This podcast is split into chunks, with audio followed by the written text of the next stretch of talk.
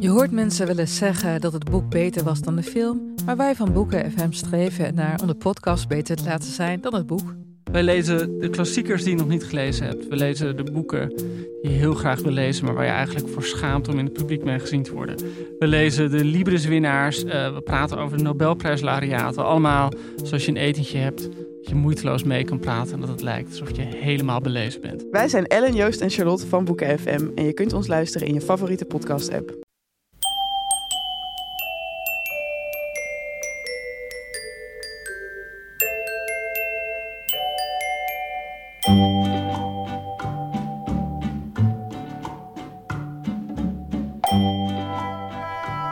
Welkom bij aflevering 188 van de Echt Gebeurd podcast, waarin waargebeurde verhalen worden verteld door de mensen die ze zelf hebben meegemaakt. Deze week een verhaal van Maarten Westerveen, verteld tijdens het Echt Gebeurd gala van vorig jaar. Het thema van die avond was Vrienden.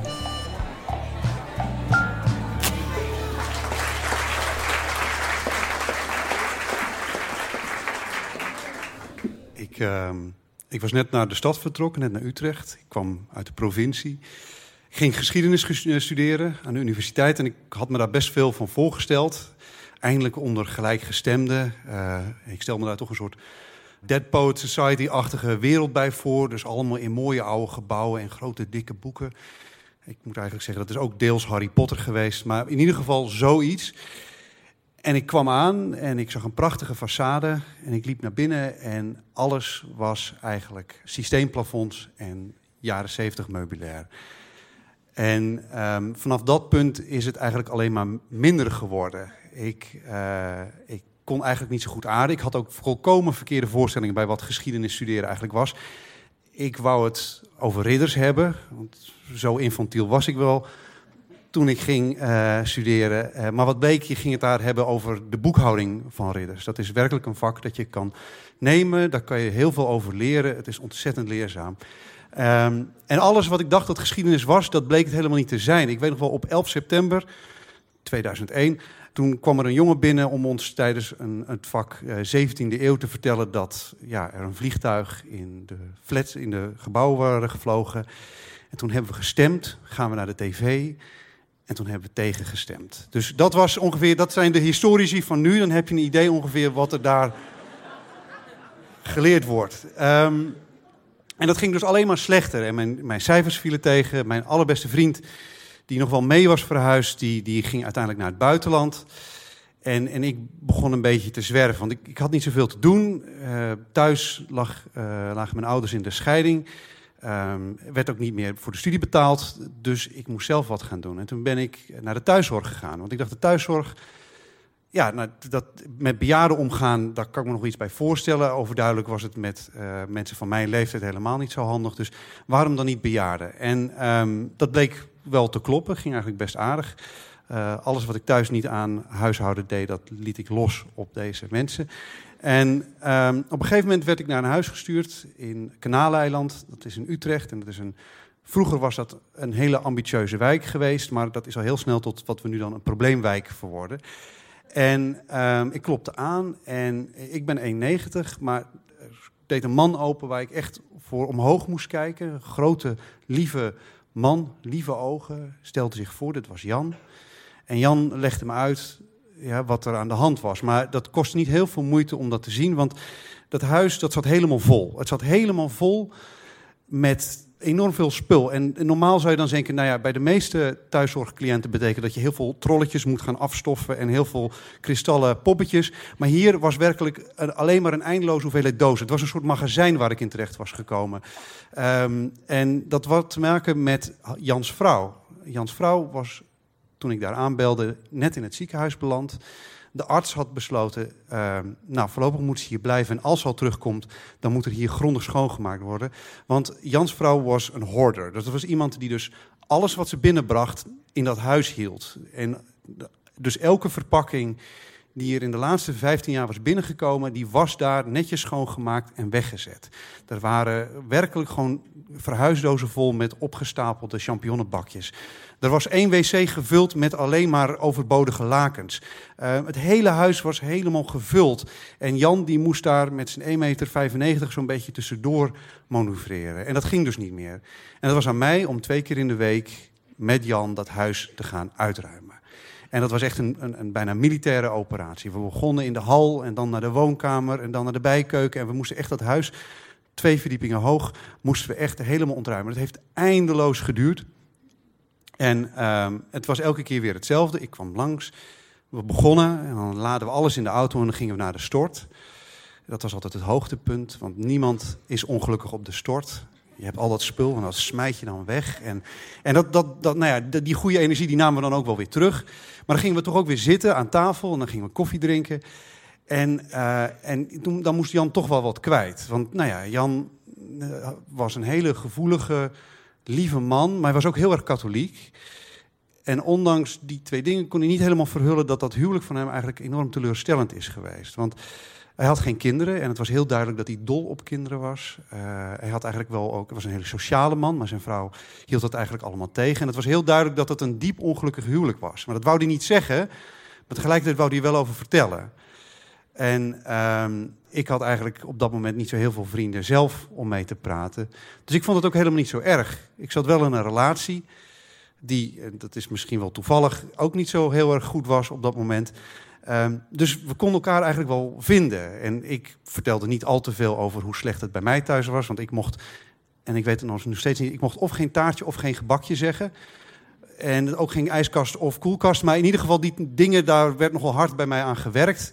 Om, om dat allemaal goed te krijgen.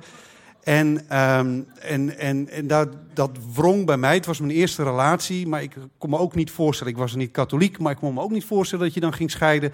Dus ons beide gebrek aan verbeelding, dat, dat bond ons ook eigenlijk wel. Van ja, je zit er toch aan vast. Um, en dat huis dat begon leger en leeg te worden. En er was, terwijl we al die dozen en die zakken weghaalden, werd ook duidelijk, daar stond niks anders. Er waren geen mooie foto's van het echtpaar. Er waren geen herinneringen aan vakanties. Het was een heel leeg, eenzaam huis. En, en ja, wij zaten daar toch en we deelden meer en meer. En op een gegeven moment, en dat heb je ook met mensen van je eigen leeftijd, op een gegeven moment is er dan het moment dat je dan bedenkt dat je vrienden bent. En dat zeg je niet, of tenminste, ja, misschien als je vijf bent, maar als je zelf 21 bent en, en je hebt een 75-jarige man tegenover je, dan ga je niet zeggen, goh, zijn we vrienden. Maar maar Jan maakte wel nou ja, de indruk dat dat zo was. Want op een gegeven moment zei hij, tijdens werkuren ga je mee. Ik moet eigenlijk naar mijn vrouw toe. Dus wij, wij reden mee. Ik reed mee met hem en we gingen naar dat, het huis waar ze zat. En ik kende deze vrouw natuurlijk eigenlijk alleen maar als een heks. Dat heeft hij nooit gezegd. Zo heeft hij het nooit willen beschrijven. Maar dat was natuurlijk wat ik wist. En daar zat een heel klein oud vogeltje. En ja, terwijl we daar samen haar rolstoel een beetje voortduwden... Ja, voelde het ook wel als een vriendschap. Ik had nog nooit zoiets meegemaakt. En ik geloof dat zelfs met mijn beste vriend heb ik nog nooit iets gedaan dat, dat eigenlijk zo ja, intiem voelde als vrienden onder elkaar. En ja, ik, ik, ik bleef Jan telkens vertellen ook van ja, je moet je niet schuldig voelen dat ze daar zit. Want Jan, als goede katholiek, voelde dat natuurlijk wel. Hij zei, ja, ik, ik, moet er eigenlijk niet achterlaten. En ik zei, ja, dat moet je wel, want anders ga je er ook een onderdoor. En we hadden elkaar daar ook wel in nodig. Hij had iemand nodig die dat moest zeggen. En ik was al lang blij dat ik in iemands leven iets kon betekenen. En dat er eigenlijk zo'n grote lieve man in mijn leven was, hè, die naar mij luisterde. En op een gegeven moment kwam ik weer op werk bij hem en hij glunderde een beetje. En uh, dat was een beetje raar, want hij kwam net terug van een begrafenis. Um, en hij vertelde dat op de begrafenis was hij kort tegen het lijf gelopen. En Cor was zijn oude verkering van voor de oorlog. En tijdens de oorlog was Jan meegenomen voor de arbeid ergens in Polen. En dat heeft allemaal lang geduurd en met veel drama. En tegen de tijd dat hij eindelijk terug was, waren ze elkaar uit het oog verloren. En hij had er nooit meer gezien. En daar was ze op die begrafenis van een uh, wederzijdse vriend. En Cor zei, uh, nou ja, als je het leuk vindt, kom eens een keertje langs. En dat had hij gedaan. En wat bleek, Cor had een heel ander leven gehad. Die had vijf kinderen gehad. Die had zelfs een kleinkind dat bij haar thuis woonde. Haar man was al een paar jaar dood. En dit Cor was vrolijk, die had nog zin in het leven. En, en Jan mocht wel eens vaker langskomen. En op dat moment had ik opeens een heel andere functie. In plaats van hè, deze vriend een schuldgevoel aan uh, te weerspreken, had ik hier een vriend die ik moest aanmoedigen. Dus elk gesprek ging het weer over: Jan, je moet, ga nog maar eens een keertje. Dat is toch leuk? Je vindt het leuk? Ja, ja, ja, maar ga toch maar. En zo langzamerhand groeide en groeide dat totdat Jans vrouw overleed.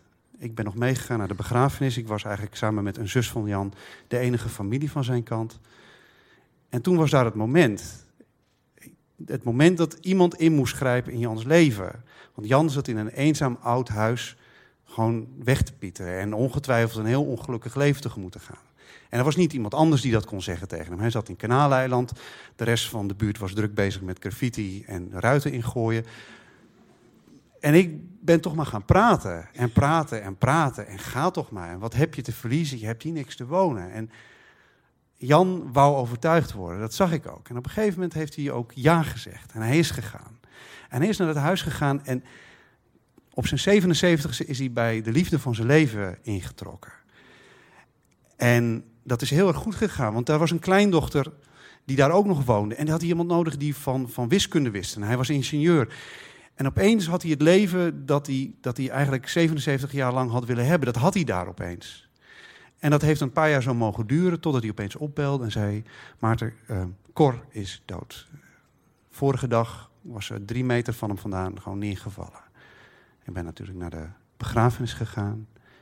En wat daar gebeurde was dat die hele familie eigenlijk om Jan heen begon te hangen. Die, die, die steunden hem. Die, en die maakte duidelijk, jij mag hier blijven. En ja, zo gaat het dan. Zo verlies je vrienden natuurlijk. Want ja, ik was niet meer nodig. Er was geen thuiszorg meer nodig. Er waren al deze mensen die hem niet alleen steunden, maar die hem zelf ook nodig hadden. En ik zag hem natuurlijk wat minder en minder. We belden. En op een dag, ik had hem een paar maanden niet gezien, fietste ik langs en ik belde aan en er was niemand. En oké, dat kan gebeuren. Ja. En ik belde nog eens een keertje en ik werd niet opgenomen.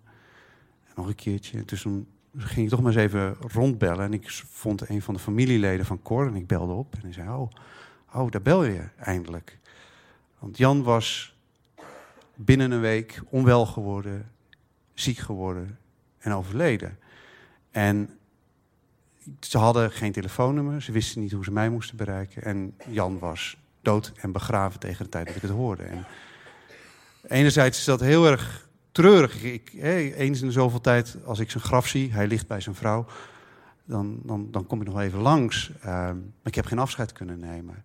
Maar ik heb wel een, een, enorme waardevolle les geleerd. Want je zou denken, goh, de les van Jan is trouw niet met de verkeerde. Maar wat ik echt van Jan heb geleerd is dat leef je leven tot de allerlaatste dag. Want je weet nooit wanneer je iemand tegen gaat komen. Dankjewel.